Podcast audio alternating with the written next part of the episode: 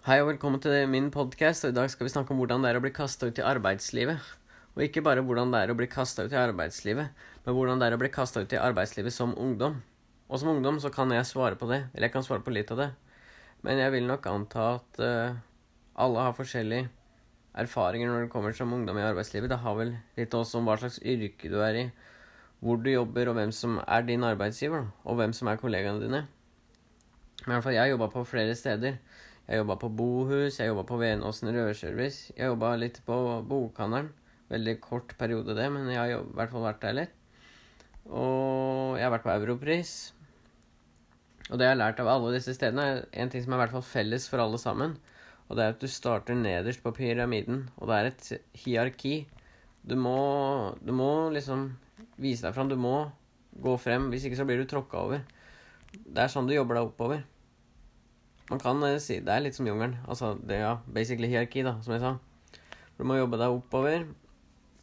Og det tar jo tid, og gjennom den praksisperioden jeg har hatt, så har jeg ikke akkurat hatt tid til å jobbe meg oppover. Jeg, jeg har egentlig blitt plassert en plass på den pyramiden, som da er nederst.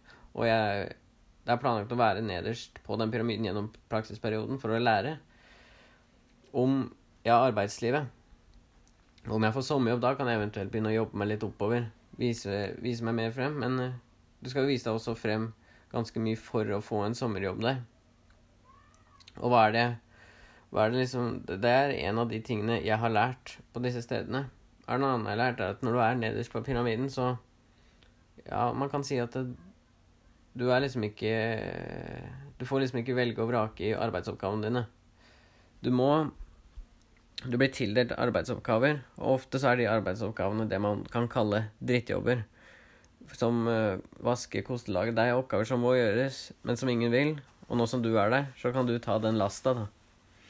Og det er jo egentlig ganske Det er naturlig. Det føles ikke bra der og da, men det er bra. Fordi det, det hjelper deg å forstå, det hjelper deg å være litt mer ydmyk, da. I hvert fall med tida huske hvor du har vært gjennom arbeidslivet. For hvis du starter på toppen, da har du ingen erfaring med å klatre opp der, så du har jo ikke noe grunnlag for å være på toppen. Og jeg veit ikke om vi har eksempler på det ja, i arbeidshistorien, eller på folk generelt, som jeg har starta på toppen. Det er vel, Fallhøyden blir vel ganske stor da. Men i hvert fall det, det, det er en av de tinga jeg har lært, og det er også en av de tinga som er veldig bra med en sann arbeidsplass. Og det er Det er at du lærer hva som er hva. Og det jeg snakker om nå, det er felles for alle Det jeg har snakket om nå, det er felles for absolutt alle yrker. Du starter nederst, og du må jobbe deg oppover til toppen. Og hvordan du gjør det, det kommer vel an på yrke og arbeidsplass. Men eh, spesifikt hvordan du skal gjøre det, det kommer helt an på yrket, i hvert fall. Jeg har prøvd meg litt på flere litt på forskjellig, men det går jo alt innafor salg, vil jeg tro. Ja, det er salg. Venåsen. Det er på en måte salg. Vi fikser rør, da, men vi selger jo service. Så Powerpris, salg. Mm, Bokhandelen, der jeg jobba litt, var det salg. Uh, jeg har også jobba som VG-bud. Salg. Der var det ingen sted Når du er VG-bud, så er det absolutt ingen Det er visse jobber man ikke kan jobbe seg akkurat så mye høyere opp i. VG-bud, for eksempel. Eller sånn Jo, egentlig, hvis man ser det på det større bildet av det hele.